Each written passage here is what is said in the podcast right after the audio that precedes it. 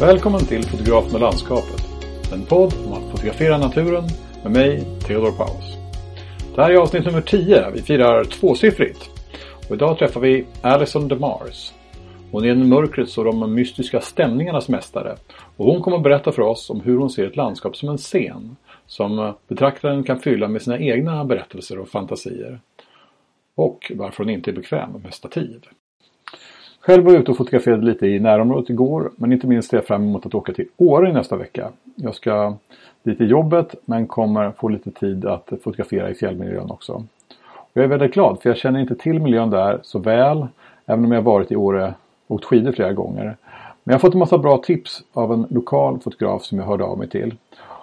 Och jag kan tillägga att jag tycker nästan alltid att det är så. När jag har av mig till andra fotografer som sysslar med landskapsfoto så möter jag alltid av vänlighet och generositet. Det är en väldigt bjussig och tillmötesgående attityd där fotografer hjälper varandra.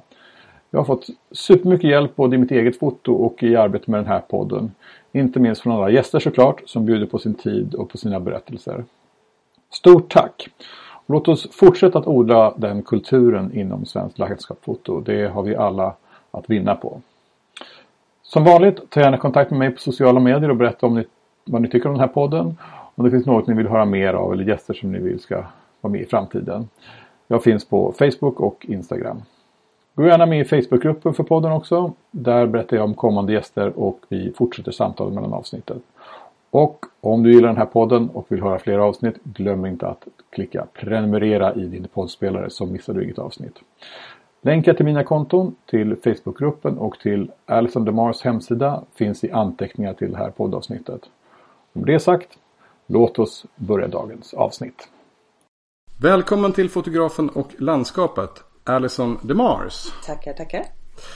Vad roligt att du är med och eh, alltså jag måste börja med att gratulera dig till ditt extremt coola namn. alltså om du eh, eh, känner att fotografi liksom inte riktigt funkar så borde du ha alla förutsättningar att eh, slå igenom som rockstjärna i något internationellt sammanhang. Ja, precis. ja, det har jag fått höra förut också. Det är faktiskt eh, min farmors eh, namn som jag har tagit. Eh, tidigare hette jag Chossens i efternamn, eh, belgiskt. Och eh, det gick inte att uttala eller stava. Så att eh, jag bestämde mig för att min farmors gamla namn eh, skulle vara kul att eh, ta vidare eh, i släkten. Ja men hur? Ja. ja. Ja men bra. då, har vi, då har vi rätt ut det. Men, ja. uh, um, du är ju inte huvudsakligen landskapsfotograf även om du liksom fotograferar en del landskap och har också lite intressanta tekniker kring det som vi kanske kan återkomma till lite senare. Mm. Eh, utan du gör ju alla möjliga typer av olika foto, både konstfoto av olika slag och också liksom kommersiellt arbete. Mm. Eh, och finns här i, i Stockholm. Just det, precis. Mm. Ja. Kan inte du, ja förlåt. Ja. Mm. Kan inte du berätta lite grann liksom om, om din väg in i foto? Hur började det för dig? Jo, eh, jag är inte en sån här person som har fotat sedan barnsben och, och växt upp i mörkrummet. Eh, utan jag började ganska sent. Eh, jag har visserligen alltid varit ganska estetiskt lagd och kreativ. Eh, men jag kom in på eh, copywriterbanan i, i jobbmässigt och jag trodde att det var att skrivandet var min grej framförallt. Men i samband med att min dåvarande man fyllde 40 år så fick han en systemkamera av sin mamma. Och den la jag ganska raskt beslag på. Och då var jag kanske ja, någonstans i ja, men 33. Ehm, och eh, ja, så att jag började fota med den och tyckte att det var roligt det här med kort skärpedjup. Att oj, vilka snygga bilder det blir då.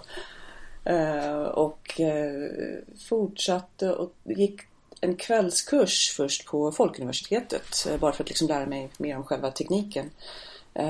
och sen insåg jag efterhand att det här är kanske någonting som jag är ganska bra på. Så att Eh, Eh, till slut så gick jag en eh, utbildning på Barrys eh, Nordic School of Photography som det hette då.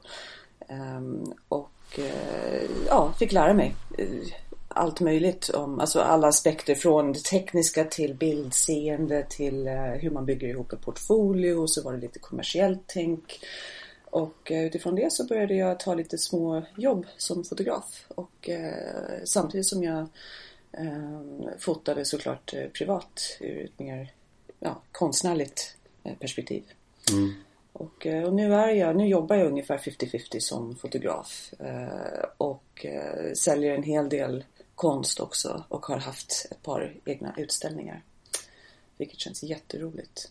50-50 som fotograf och... Och eh, copywriter, precis. Just det. Ja. ja. och det är också lite kul att ha det benet att stå på så att man kan kombinera text och bild eh, vid behov. Just det. Mm.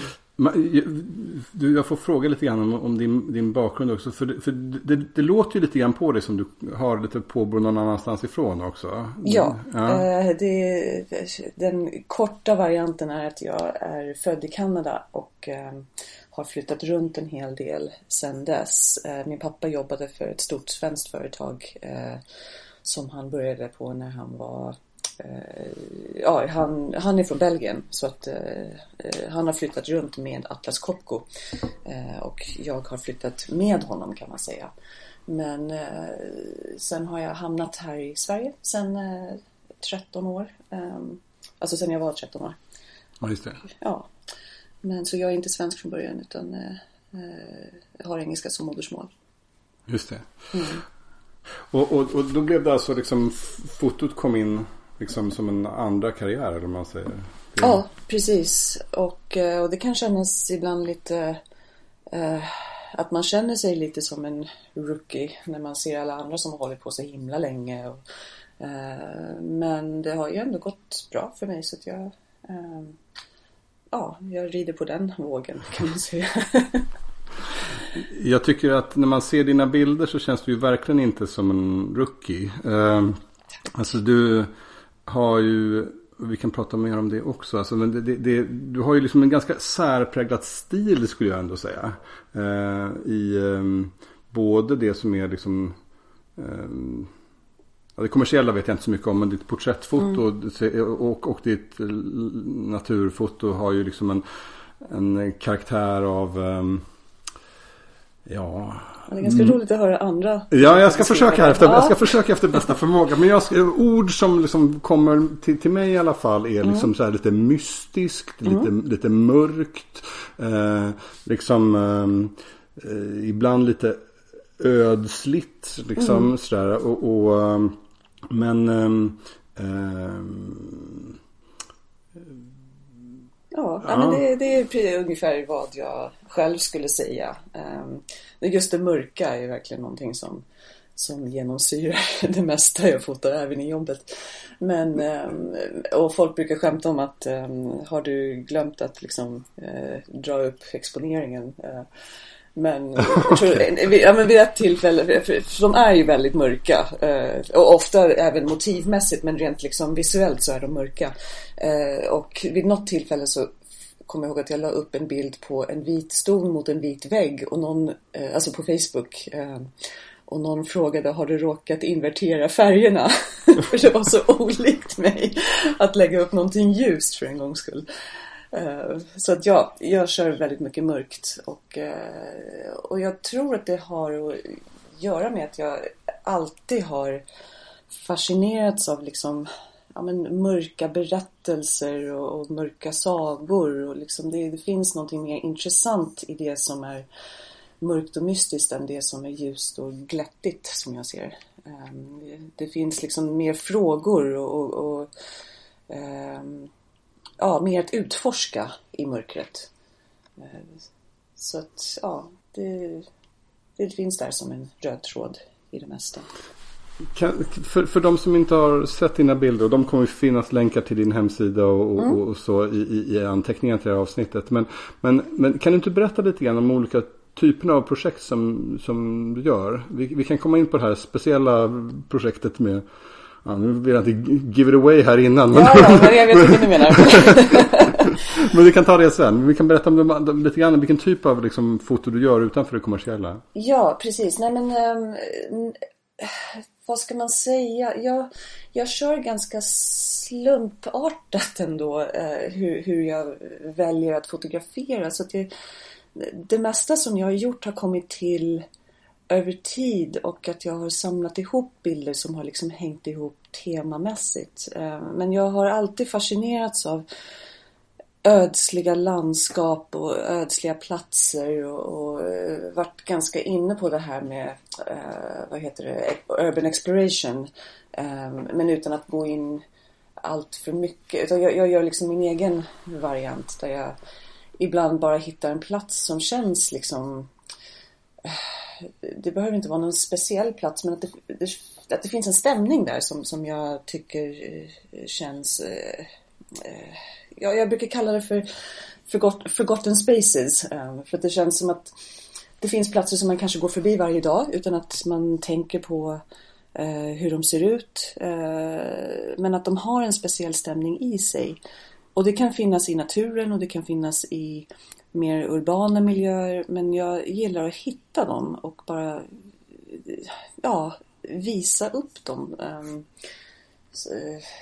och de finns bland annat på min hemsida under just eh, projektnamnet Forgotten Spaces då. Eh, väldigt olika platser. Och sen så gillar jag överhuvudtaget att ehm, eh, jag tror att jag jag har tänkt lite på på vad är det som jag försöker göra när jag skapar bilder och jag tror att jag inspireras mycket av filmvärlden. Att jag inte så mycket dokumenterar platser som att snarare så här, visar upp locations i min egna inre filminspelning. Um, förstår du hur jag menar? Att jag, um, jag har liksom uh, jag visar en plats där någonting kanske har hänt eller någonting kanske kommer att hända. Och um, Eh, och så kanske det finns människor med på bild och ibland gör det inte det och då råkar det bli en landskapsbild. Men det handlar liksom inte så mycket om att dokumentera miljöer som att, som att skapa en stämning och en plats. Eh. Ja. Och ehm, ja, nej så det, det, är mycket det jag gör när jag går ut och liksom fotar lite slumpmässigt och sen gör jag Jag tar ju mycket porträttbilder också. Um, vi kan väl stanna kvar lite grann i det här, ja, dina absolut. Forgotten Spaces. Uh, yes. spaces. Uh, hur, om, om, du tänker, hur, hur började det där? Liksom, var, kan du beskriva någon enskild plats liksom, som du besökte? Som, som, så att man får en känsla. Om man tittar på dina bilder så är det, det, det är ju en del så här eh, övergivna hus och det är liksom övergivna landskap och, och liksom så här. Men um, om du kan du berätta ja, om någon enskildhet? Liksom, som... Ja, men jag tror att det, det, kan hända med att jag... Eh, det kan, det kan vara att när jag gick Bergs så um, den här fotoutbildningen så uh, blev jag kompis med uh, en person, Martin, som han var väldigt intresserad av, av um, just övergivna miljöer och, och vi utforskade eh, någon fabrik eller några fabriker i, i vad kan det ha varit, eh, Dalarna tror jag att det var. Eh, och det var jättekul att liksom putta där eh, och upptäcka de miljöerna. Men sen så, och det var ju väldigt klassiskt här, urban exploration. Men så börjar, alltså problemet är att jag inte har bil eh, eller körkort. Så att jag är väldigt beroende av andra människor eh, för att kunna liksom ta mig till de här spännande platserna. Eh, så att jag får liksom vara lite kreativ på egen hand och, och hitta mina egna platser. Och då blir det kanske inte så mycket fabriker och, övergivna liksom slott och sådär utan det blir lite så här, ja, som när jag åkte till Kiev så gick jag omkring där och eh, eh ja, lite så här, eh, vad ska man säga, industriområden. Eh, och där finns ju ganska coola ställen, eller en gammal parkering som ingen annan tänker på. Eh, så man får liksom försöka hitta sina övergivna miljöer fast på andra ställen. Eh, Berlin har jag varit i och, och eh, Uh, hittade en tunnelbanestation uh, som är fullt, alltså den används. Det är liksom inget Eh, inget övergivet alls men jag tyckte att miljön i sig kändes så ödslig och eh, eh, spännande på det sättet så att jag tog en bild Eh, som, den finns med där på min hemsida i serien Forgotten Spaces. Möckenbrücke heter stationen. Och det är ett exempel på hur jag liksom försöker hitta eh, bara ställen i min, i, runt omkring mig. Eh, platser som har den här speciella stämningen. Men eh, Ja, nej, så det började med liksom ren urban exploration och sen har det... Eh, du, du måste jag... förklara vad det begreppet, jag tror jag har en känsla ja. för vad det betyder, men eh, nu har du använt det tre gånger så det måste jag fråga. Va, ja. vad, vad lägger du i det? I, det brukar handla om, och det, det finns en väldigt stor eh, community kring det egentligen som, eh, det går ut på att man, man söker upp övergivna platser, oftast är det byggnader. Eh, det kan vara gamla slott, fabriker, mm det är otroligt spännande. Ehm, och så det är ett stort hemlighetsmakeri kring det här också. Att man inte eh, man vill gärna se till att inte vem som helst kommer dit. Mm. Så att man, man tipsar varandra men man försöker att inte liksom låta platserna mm. komma ut allt för mycket. Men eh, jag tycker att med Urban Exploration så, alltså mycket Ofta handlar det bara om att visa upp stället och, och det blir väldigt mycket likartade bilder från sådana ställen. Ehm, så man får försöka göra det till sitt eget. Och sen tycker jag att det ofta blir väldigt mycket hårda HDR-bilder därifrån. Så att jag rent estetiskt så vill jag liksom inte, jag identifierar mig inte riktigt med Urban Exploration communityn på det sättet. Ehm, och speciellt i och med att jag själv inte aktivt ehm, söker upp en massa sådana ställen. Ehm, men ja, vad var frågan?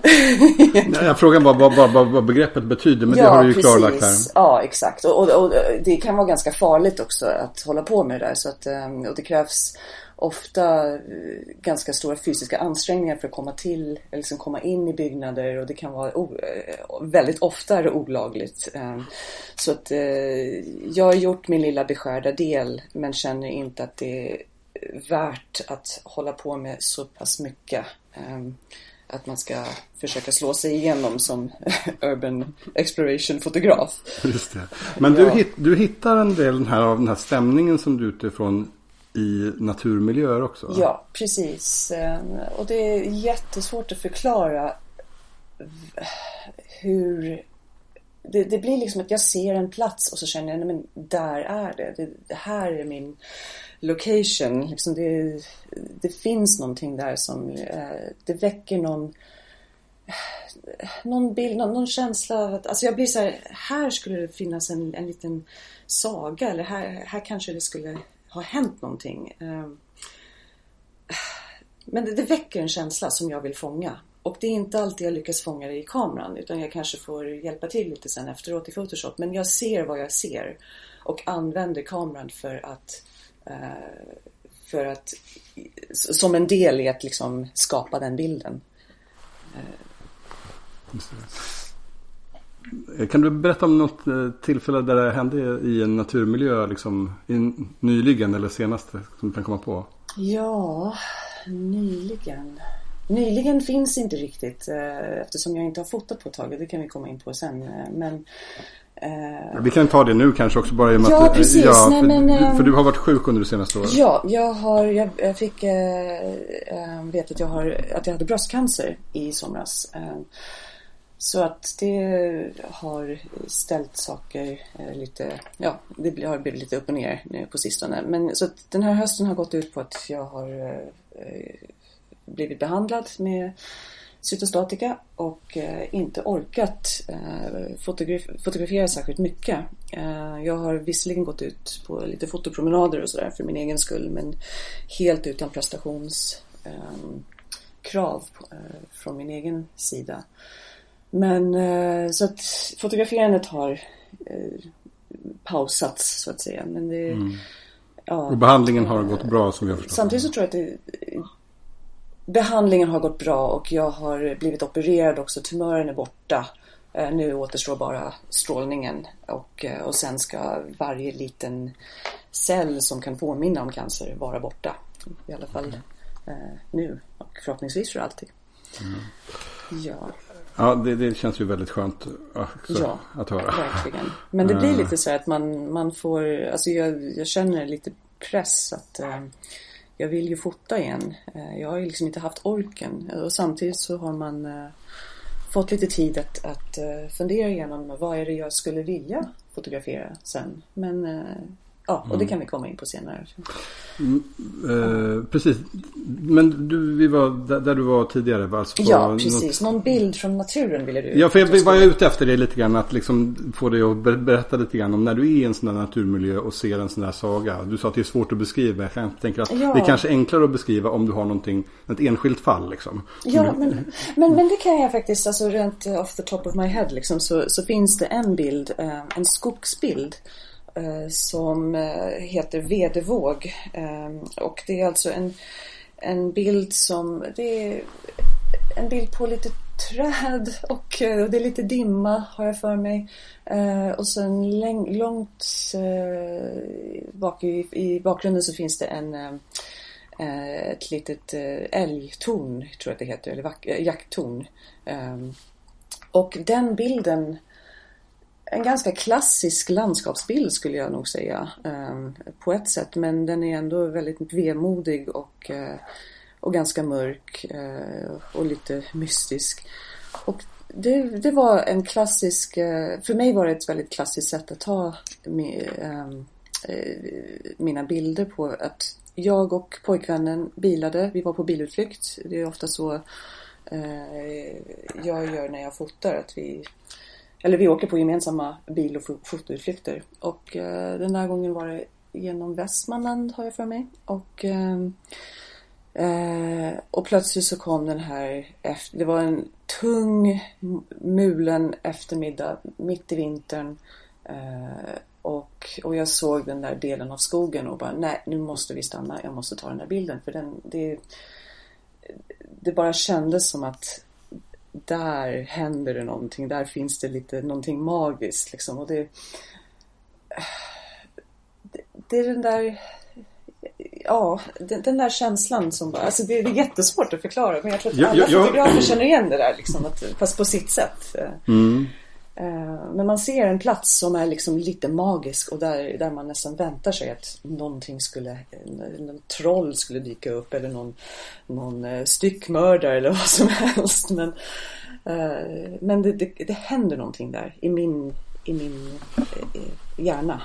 För jag tycker det är ett ganska intressant sätt att tänka som du är inne på nu. Mm. Du, du, du, beskriver ju liksom hur um, det inte handlar det handlar om platsen som du tar bilden på. Men det handlar inte bara om det. Utan det handlar också liksom om vad som skulle kunna hända. Där. Ja. Liksom, så det, det är liksom på något sätt en... Eh, när man inom landskapsvärlden så pratar man ju ofta om liksom berättelser och narrativ och sådär. Mm. Men det brukar ju mer handla liksom om hur de olika delarna av den bilden samspelar med varandra. Liksom. Så här, här tolkar jag liksom så att du introducerar något lite annat moment av oh. liksom Ja, jag ser det nog. Det, precis, det finns en berättelse som väntar på att bli på att berättas. Mm. Um, och uh, jag, jag, kan nog se det som de här etableringsbilderna i en film. Liksom en, en, det blir väldigt, för mig är det väldigt filmiskt att försöka hitta um, uh, en scen. Ja, att bygga uh, något slags um, Ja, nej men det, det ja. Mm.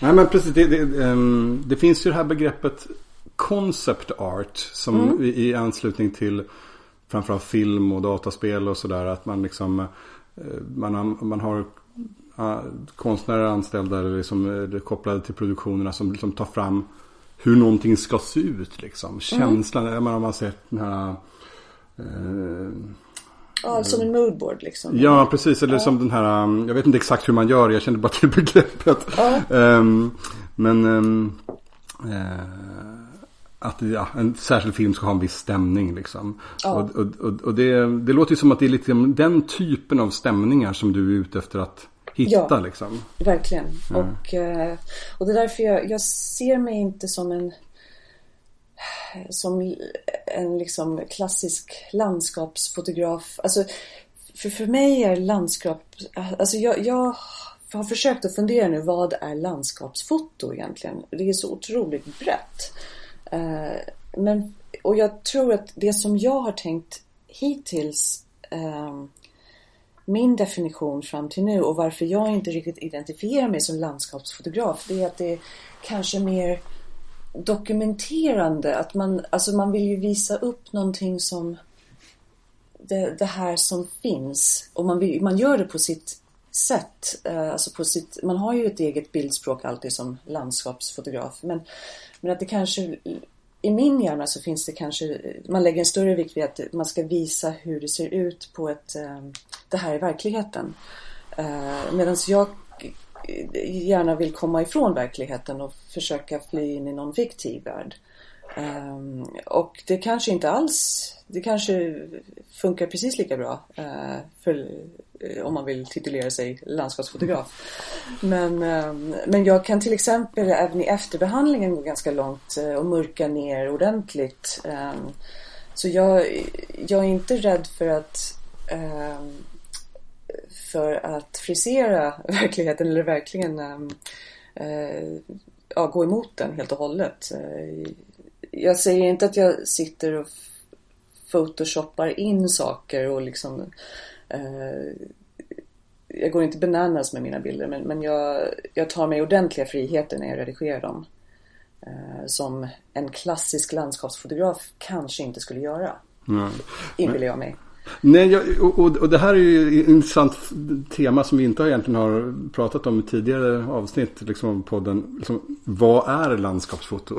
Ja. vad, vad, är en rimlig definition? Men, för, men jag har ju liksom i valet av gäster här också försökt att eh, visa på en ganska bred definition av det. Eh, liksom, eh, eh, jag menar, vi har Hans Strand som var med tidigare som har typiska landskapsbilder i en bemärkelse. Liksom det är skärpa från djup till mm. front och back skärpa och liksom det är eh, en viss grad av klassisk komposition. Och sen så har vi liksom eh, andra fotografer som jobbar på andra sätt. Liksom. Och, mm. och, och, och, du har ett e-, eget sätt att, att, jobba på. Vi hade Helene Schmidt som var med här för eh, något avsnitt sen som på något sätt eh, eh använder naturen liksom men, men väldigt mycket för att ja, ja. jobba med ett tema. Liksom. Andra landskapsfotografer är mer dokumenterande på andra sätt. Liksom. Och, um, Uh, gästen förra gången som ännu inte är publicerad.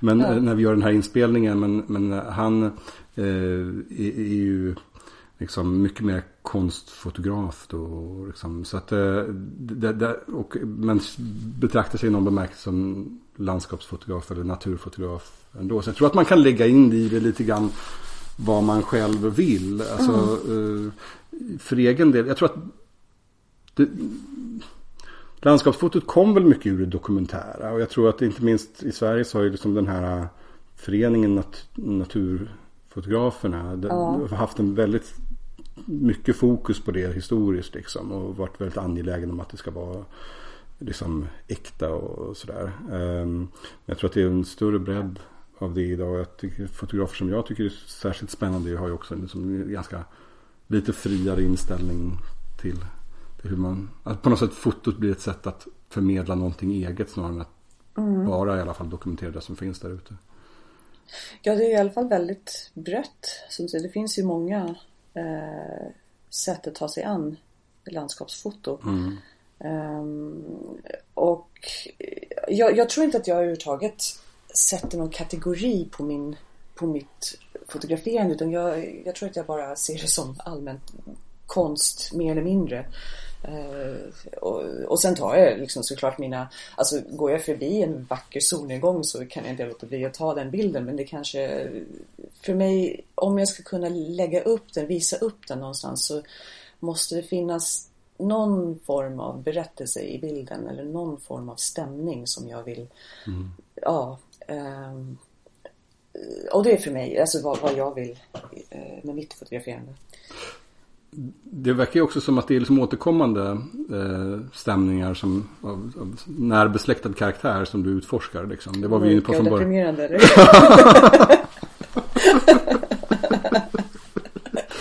kanske inte deprimerande men, men vemodiga. Ja. ja. Kan du inte berätta lite grann om det här speciella projektet som, som du har gjort när du har liksom tagit liksom superlånga panoraman kan man säga? Ja, precis. Um, ja, men vi kan väl e-, egentligen uh, uh, jag tänker att det, det kopplar ganska mycket um, till det här med min för jag tänkte prata om um, det här med teknik. Ja, ja, det var så jag halkade in på, på mitt Boxed Landscapes, uh, det projektet som det heter.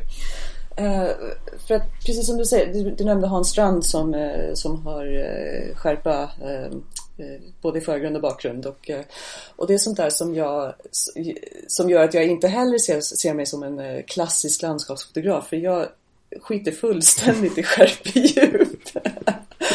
jag vill liksom, alltså för mig är det viktigare att få till ljuset än att få till liksom att det ska vara skarpt rakt igenom och, och det får gärna vara lite eh, oskärpa här och där för att det bidrar till det här mystiska. Eh, så att, och jag avskyr stativ. Stativ är det värsta jag vet ute i naturen för det, det dödar all spontanitet. Eh, för mig i alla fall. Eh, så att jag kör hellre på liksom kort skärpe, kortare skärpedjup och, eh, ja, och lite lägre eh, ISO än att eh, hålla på, eller vad heter det? Um, högre ISO. Högre ISO, precis. men också, ja, men jag vill ju gärna jobba med ganska så lågt ISO som det bara går såklart. Eh, så att man, och då kanske man prioriterar eh, att ha en eh, större bländare. Eh, och då går man miste om den där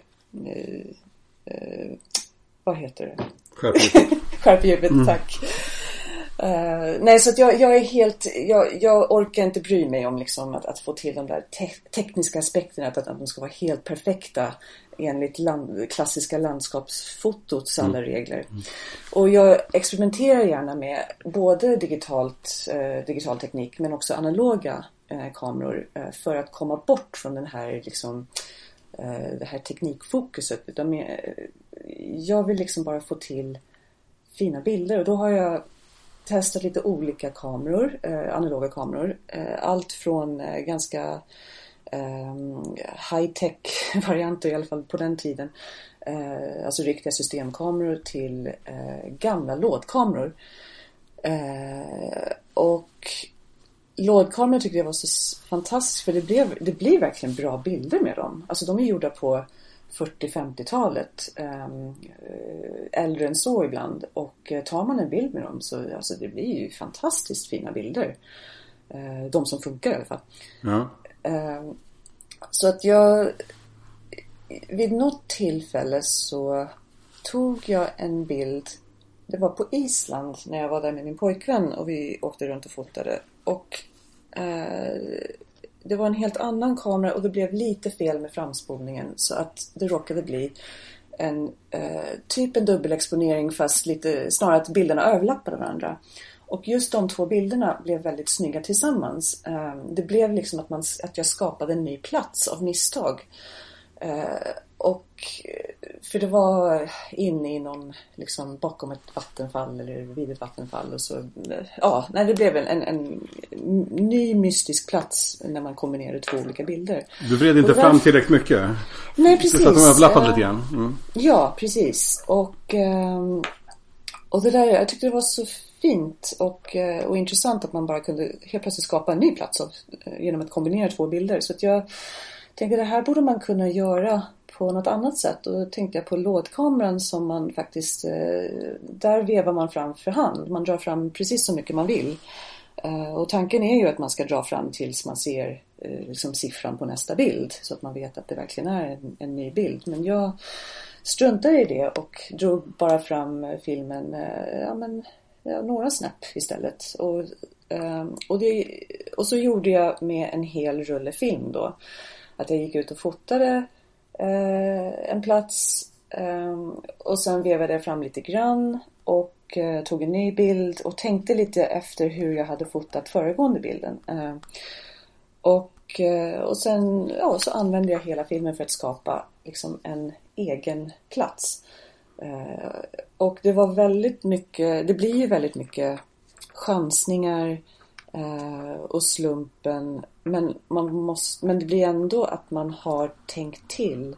Eh, och, eh, jag gillade den eh, den känslan av att liksom släppa kontrollen samtidigt som man ändå kunde det blir liksom en, en, en rolig balans mellan slumpen och, eh, och att själv försöka komponera någonting.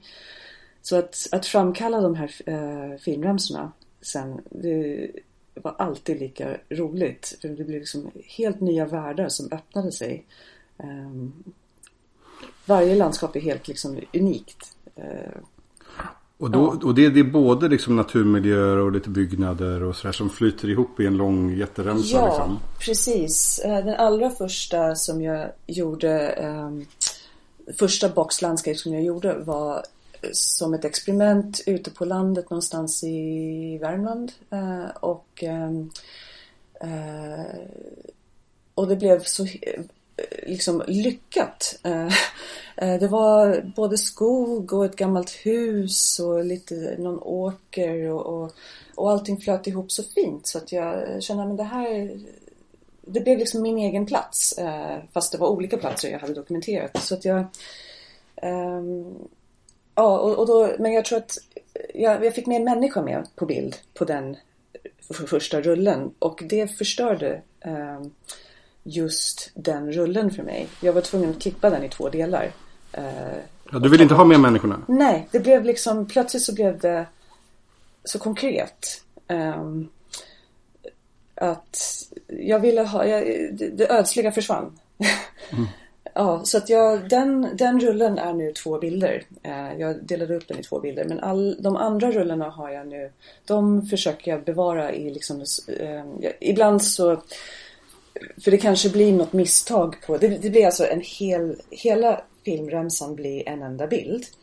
Men om jag känner att det är någonting i början eller slutet som inte riktigt funkar så klipper jag bort det så blir det en kortare remsa, en, en, en kortare bild. Men du klipper inte i mitten? Är det fusk? Um, jag undviker det men jag har Jag tror att jag har någon eh, Någon bild som jag har kanske klippt ganska mycket kortare. Um, för att det sista bara, jag tyckte det blev murrigt och inte mm. snyggt. Så att jag, jag, väljer ut det som är, som är liksom, som funkar. Men jag vill helst att så mycket som möjligt kan komma med så att det blir liksom um, en lång remsa.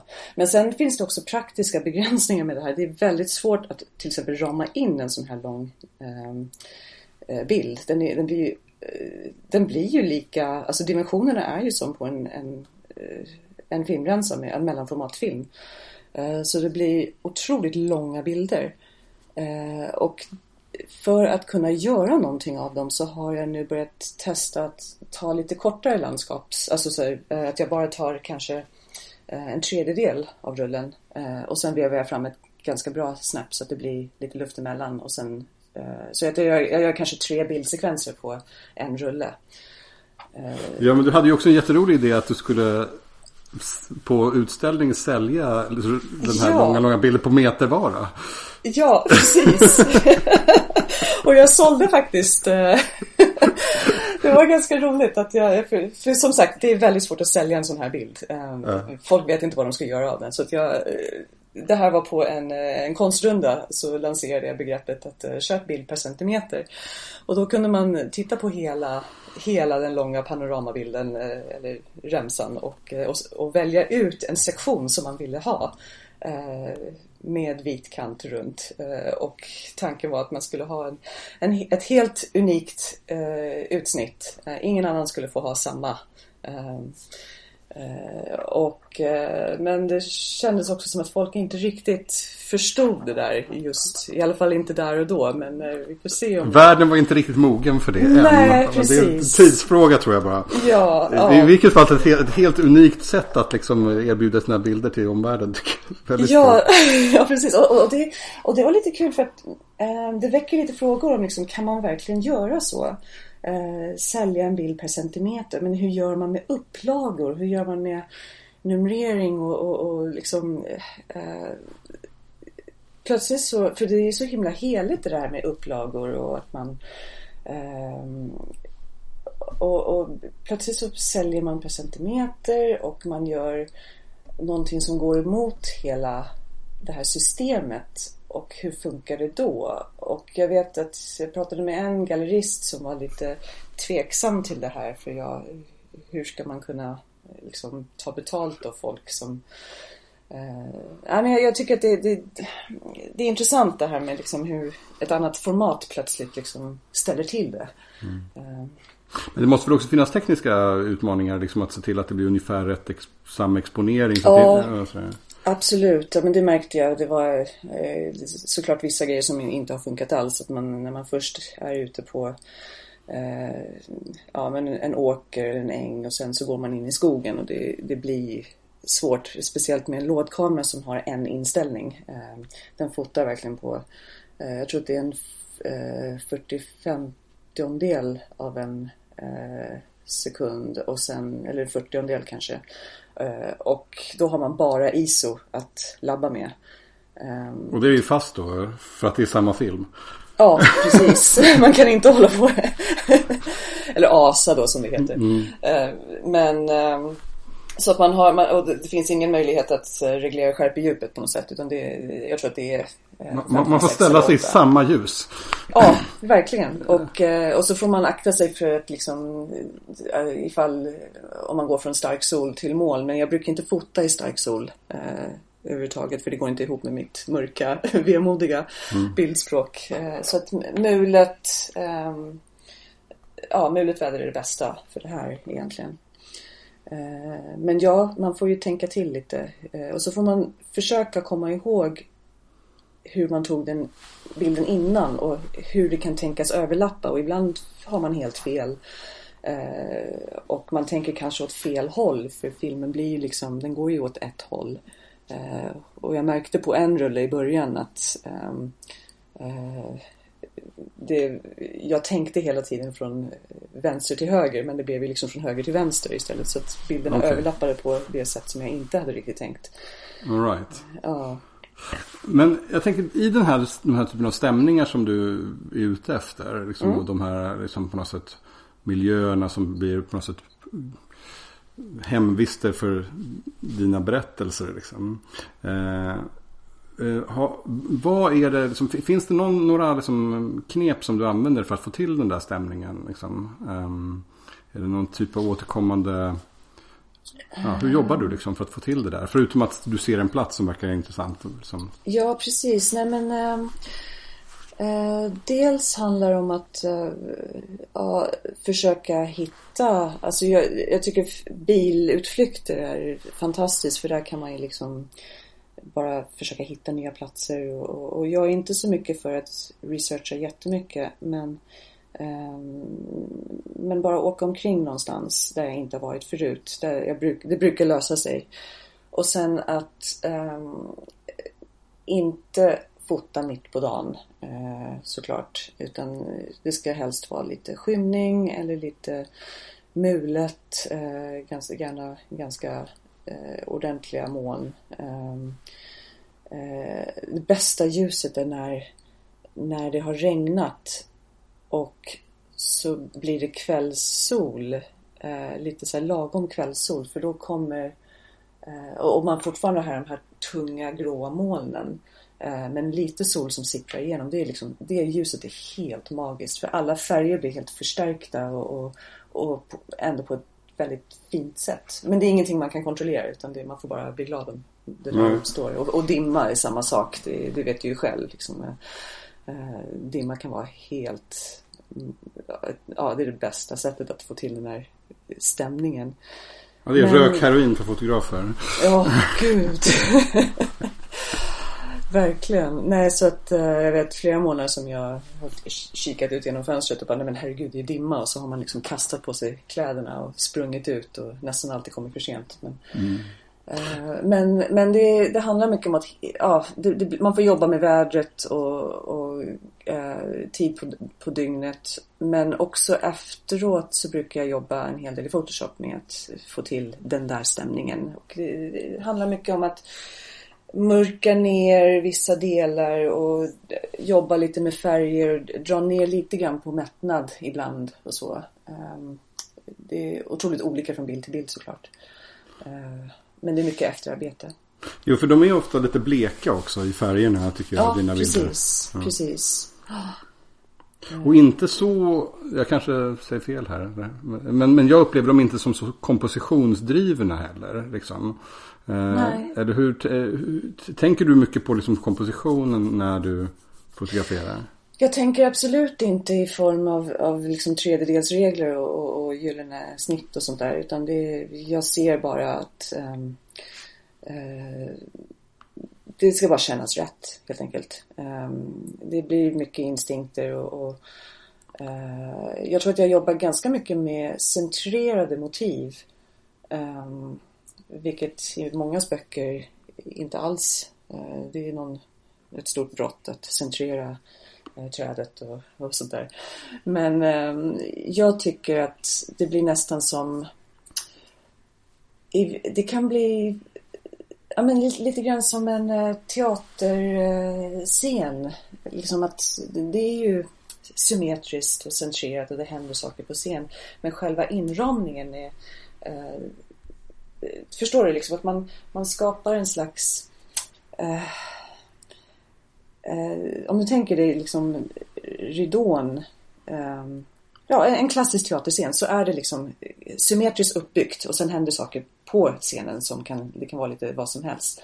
Men det är lite så jag ser mina eh, ofta skogsmotiv eller naturmotiv. Att de, de utgör den här fonden eh, och de får gärna vara lite symmetriska. Eh, sen kan det som utspelar sig i bilden vara lite hipp som happ. Men ja, nu känner jag det svann. Nej men nej, inte, inte, inte alls för det här kopplar ju du an till förstår du vad jag menar? Det vet jag inte men jag, det, det som, jag känner i alla fall att det kopplar an till det som du sa innan om att liksom betrakta om det filmiska liksom. Att, Ja. att, att på något sätt eh, eh, landskapet blir liksom eh, En kan- fond, Ja, ja. precis. En rekvisita Ja. för ett skådespel liksom. Precis.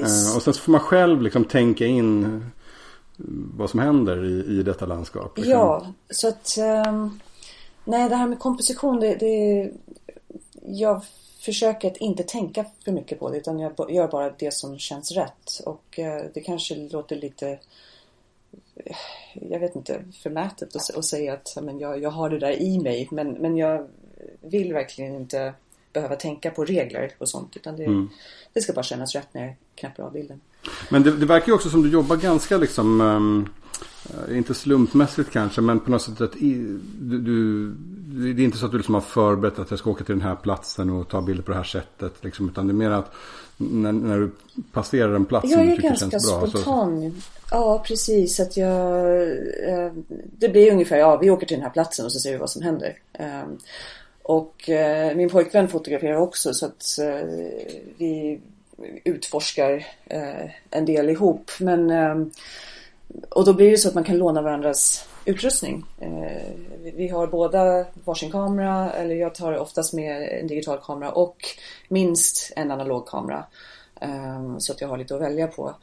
Och eh, så att, men sen är det det där med tekniken, det är som sagt inte någon jättestor grej för mig utan jag gör det som funkar i stunden och väljer det, den kamera och den, det objektiv som funkar just då. Liksom.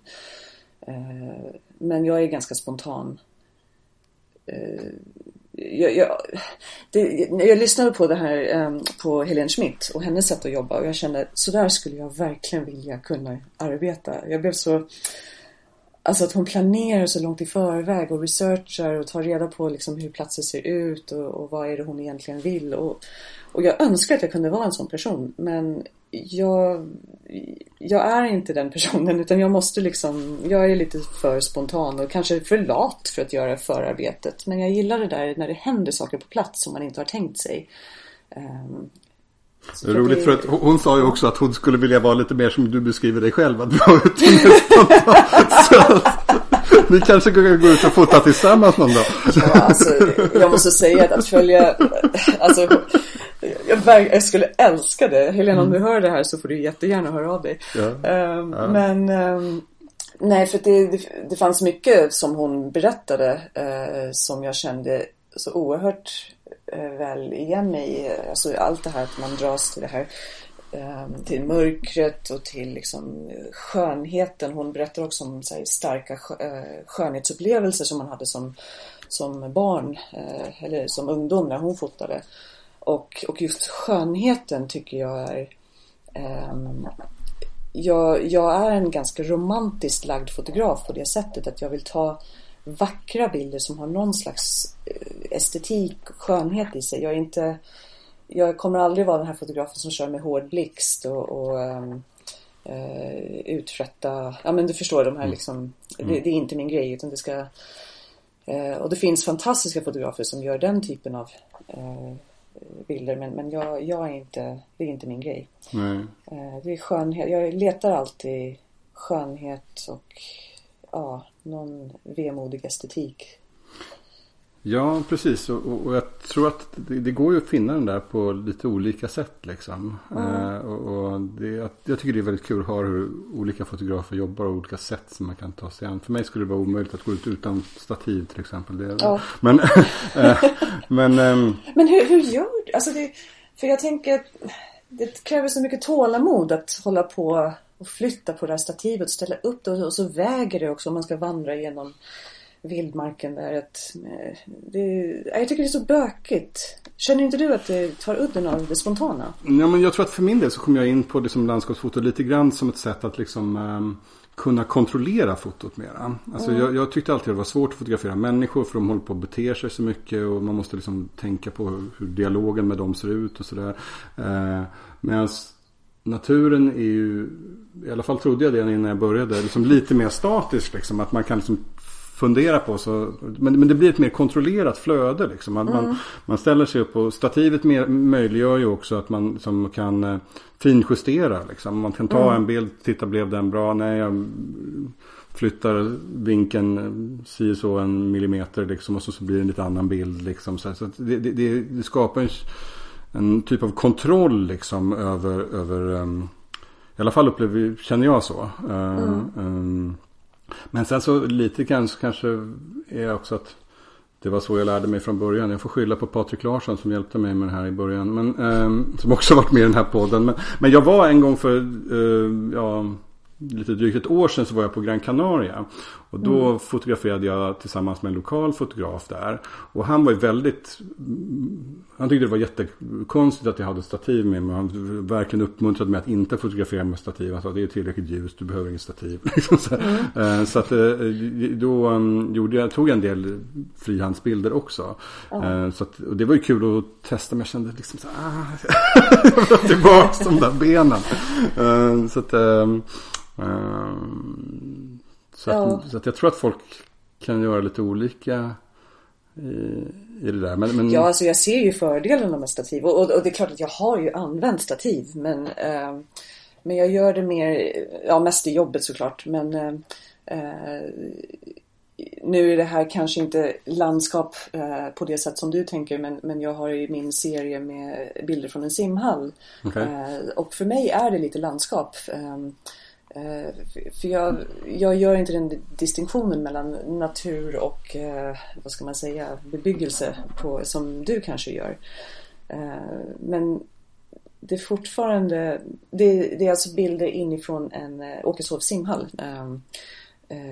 som jag tagit med en mellanformatskamera och där har jag använt stativ för att det inte gick att göra annat om man ville få skarpa bilder inomhus.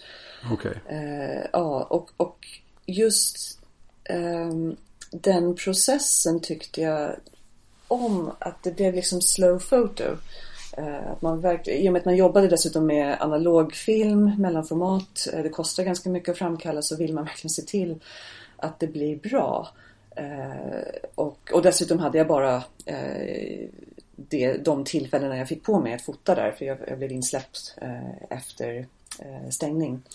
Eh, så det var viktigt att det blev rätt och jag tyckte om den här processen att man bara såg till att komponera helt perfekt. Eh, använde stativ, flyttade stativet som du ser några millimeter åt höger eller vänster eller framåt. Och, och sen tar man bilden liksom. Och det blir väldigt meditativt. Ehm.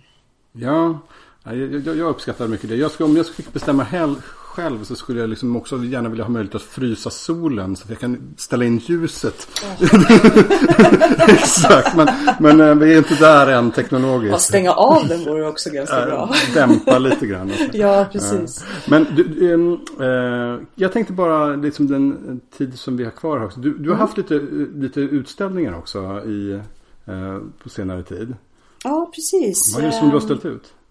Eh, det första var bilder från Tjernobyl. Ehm, där jag, jag åkte dit för att ehm, ja, jag var helt enkelt nyfiken på hur det såg ut där. Ehm, och, eh, så jag gjorde min egen lilla dokumentation. Eh, jag och en till person delade på en guide som följde med oss under en dag. Och vi fick i princip säga vart vi ville åka. Och Eh, nej men så att där eh, det, det, var otroligt fascinerande eh, Tjernobyl och Pripyat. Framförallt för att det var så himla vackert på ett sätt som jag inte hade förväntat mig. Det var inte helt förstört efter kärnkraftsolyckan? Alltså det är ju förstört och alla byggnader är liksom, det är, det är bara eh, glassplitter och, och um, allting håller på att ramla ihop där. Och sen är det mycket turister som går omkring och dels klottrar och förstör och snor med sig saker. Men det är, liksom, det, det är väldigt mycket det som också förstör. Men naturen där har tagit över. Det har verkligen tagit tillbaka Ehm, allt som människorna har försökt bygga där. Så det är, det är som en stor ehm, eh, idrottsplats eh, med en löparbana som, ja, som är helt igenvuxet nu. Det är som en stor skog. Eh, och ja, det, det, är liksom överallt så tar naturen över. Och, och det som jag tyckte var så fint var att ehm, eh, det kändes liksom som vilken vacker plats som helst. Alltså inte, det var inte fint men det, det var fascinerande att, att um, det kunde vara så vackert samtidigt som det hade hänt så himla Alltså det var så tragiskt det som hände. Mm. Att man inte kan bo där. Det är helt förgiftat. Um, och kommer att vara där i flera hundra år till. Liksom. Så jag skulle gärna vilja åka tillbaka dit och uh, fotografera Alltså fokusera mer på själva naturen än um, de resten av mänskligheten som finns där. Som, eh, för det känns som att det börjar bli turist, nu är det väldigt mycket turistfoto där. Det är otroligt, det är liksom, det börjar bli ganska mainstream att fota Tjernobyl. Men, eh, men just eh, omgivningarna tycker jag är väldigt vackra i sig och det skulle jag kunna tänka mig att återbesöka. Mm. Men i alla fall där, så eh, den serien heter um, eh, Ja, gud, nu står det still i min hjärna. Um, Too Close for Comfort heter den. Ja, just det. ja. Eh, så den kan man se på min hemsida. Uh, och sen har jag även ställt ut mina bilder från simhallen under namnet Sink Swim. Just det. Um, och det är blandat inomhusbilder och undervattensbilder. ganska abstrakta. Du, jag har några frågor kvar till dig. Mm. Vi börjar närma oss slutet här. Men eh, du kanske har hört något avsnitt tidigare så vet vad det som är på gång här. Men om du har några tips till andra fotografer eller människor som börjar fotografera. Mm. Eh, vad skulle det vara för tips att ge som du har? Jag, jag skulle säga att eh, våga experimentera och våga göra fel. Eh, experimentera med allt Eh, för att det är ofta misstagen som blir de här grejerna som man sen tar vidare. Eh, som till exempel med mina boxed landscapes när jag gjorde den där eh, oavsiktliga dubbelexponeringen och upptäckte att det blev jättefint. Så att våga testa att göra dubbelexponeringar, multiexponeringar i, i, i den digitala systemkameran. Våga analogt också, även om du aldrig har sett en filmrulle. Ehm, det är inte så svårt faktiskt och fruktansvärt roligt att se sina framkallade eh, bilder sen. Ehm, för det blir aldrig som man har tänkt sig. Eh, så att våga testa nya grejer. Min nästa grej är att jag skulle vilja fota storformat. Ehm, bara för att jag aldrig har gjort det förut. Eh, och se vad det skulle ge. Och det kanske inte ger någonting mer än mellanformat. Men, eh, men man vet aldrig. Så att eh, jag vill gärna testa. Ja. Så testa och, och skit i alla regler och, och, och skit i de här fotograferna. Ofta, tyvärr som kvinna så har jag märkt att det oftast är manliga fotografer, äldre manliga fotografer som talar om för mig vad jag borde satsa på teknikmässigt. Ja, minsann. Ja. Eh, och eh, så skit i de där ja, fotograferna och eh, ja men till exempel min, min, mina box landscapes. Det var en man som kom fram och sa Varför använder du inte en digital kamera för? Det kommer bli mycket bättre. Och jag bara, men det, det hela, har du inte förstått det här kanske? Att det är svårt att dra fram filmen i en digital kamera. Men han tyckte att kvaliteten på bilderna skulle blivit bättre. Okej, okay, alright. Ja, nej, ja, ja, ja, ja. Äh, det finns Så mycket att, eh, mansplaining ute i den här Yes, det finns det. Ja. Eh, men det var också roligt att du sa om det här med att våga göra fel. Karl Fredrik eh, Ekström som, som var med i förra avsnittet. Eh, mm. Han beskriver ju hur hans um, tog fel bilder som han tyckte var jättedåliga. Men som sen han, när han omprövade blev det liksom Ja men det blev hans stil liksom. Han hittade ja. sina, sin, sitt, sitt uttryck genom bilder som han först tyckte var dåliga. Så det, det, det, det, jag tycker det finns, en, det finns en tröst i det när jag tar jättemycket ja. dåliga bilder själv. Att någonstans här kanske jag finner min stil. Ja men precis. Och sen, och sen är det så att det, det, det är det som är så himla bra med digitala bilder. Att man kan ta tusen bilder och uh, det är bara att radera 999 och så har man liksom, bara man har en bild som funkar så blir man jätteglad. Mm. Eh, så att eh, det är bara att köra på. Eh, Min sista fråga är, har du några tips på andra fotografer som du tycker borde vara med i den här podden framöver? Ja, där har jag funderat lite. Ehm, för jag ehm, Ja, jag har ju många fotografer som jag, som jag önskar kunde vara med men de eh, lite mer internationella. Eh, men här i Sverige så har jag tänkt på att jag är lite nyfiken på dels en fotograf som heter Don Isak Wallin. Ja, absolut. Ja, han fotar med polaroid eh, och pinhole. Eh, och där skulle jag jättegärna vilja veta mer om hur han jobbar. Och sen eh, så känner jag en fotograf som heter Linda Nybom som eh, inte är landskapsfotograf men som tar väldigt många vackra landskapsbilder eh, bland annat då och eh, har en, ett speciellt sätt att eh, efterbehandla eh, som har blivit lite hennes signum. Det är väldigt, hon har ett väldigt tydligt och vackert bildspråk. Eh, så henne skulle jag absolut rekommendera. Henne känner jag inte till. Um, känner jag ju till uh, mm. sedan tidigare. Uh, och, eh, men tack så hemskt mycket för de tipsen.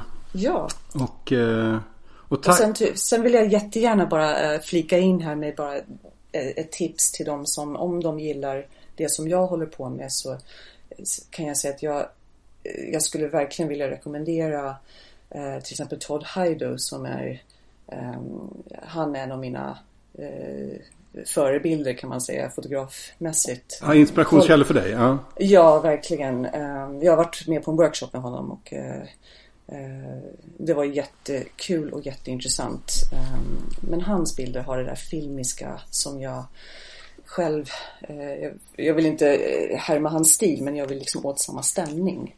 Mm. Hans landskapsbilder är otroligt vackra.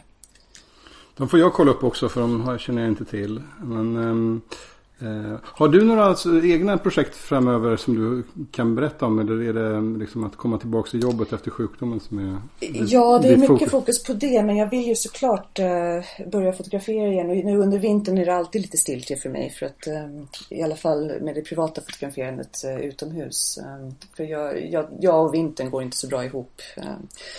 Men, eh, men jag skulle vilja fortsätta experimentera med box landscapes fast i kanske någon eh, mer begränsad form. Ehm, och, eh, och sen, jag tyckte det var väldigt roligt det som Helene Schmidt berättade om det här med invasiva växter som hon har dokumenterat.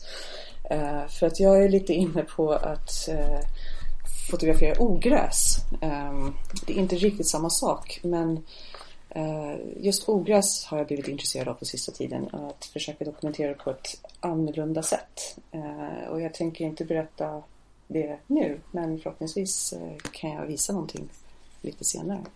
Du, det låter, det låter som en cliffhanger som yes. perfekt att avsluta med. um, stort tack för att du tog dig tid att vara med på, i Fotografen landskapet idag. Uh, och uh, lycka till med dina ogräs framöver. Ja, tack så mycket. Det var jätteroligt att få vara med.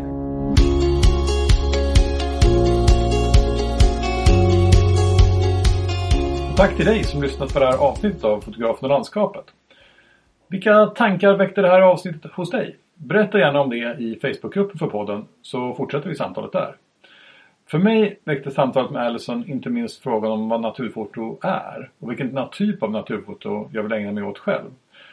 Jag gillar verkligen detta med att bryta sig loss från det dokumentära naturfotot och ta bilder som mer handlar om att sätta stämningar och scener. För mig är naturen materialet som jag gör mina bilder med men bilderna behöver inte återge hur det faktiskt såg ut. Inte exakt i alla fall. Jag gillar också det romantiska anslaget som Allison har, det känslodrivna uttrycket. Det är något som jag inspireras av. Avslutningsvis, ett tips om en annan podd, nämligen Naturfotopodden. Den drivs av en kvinna som heter Therese Forsberg.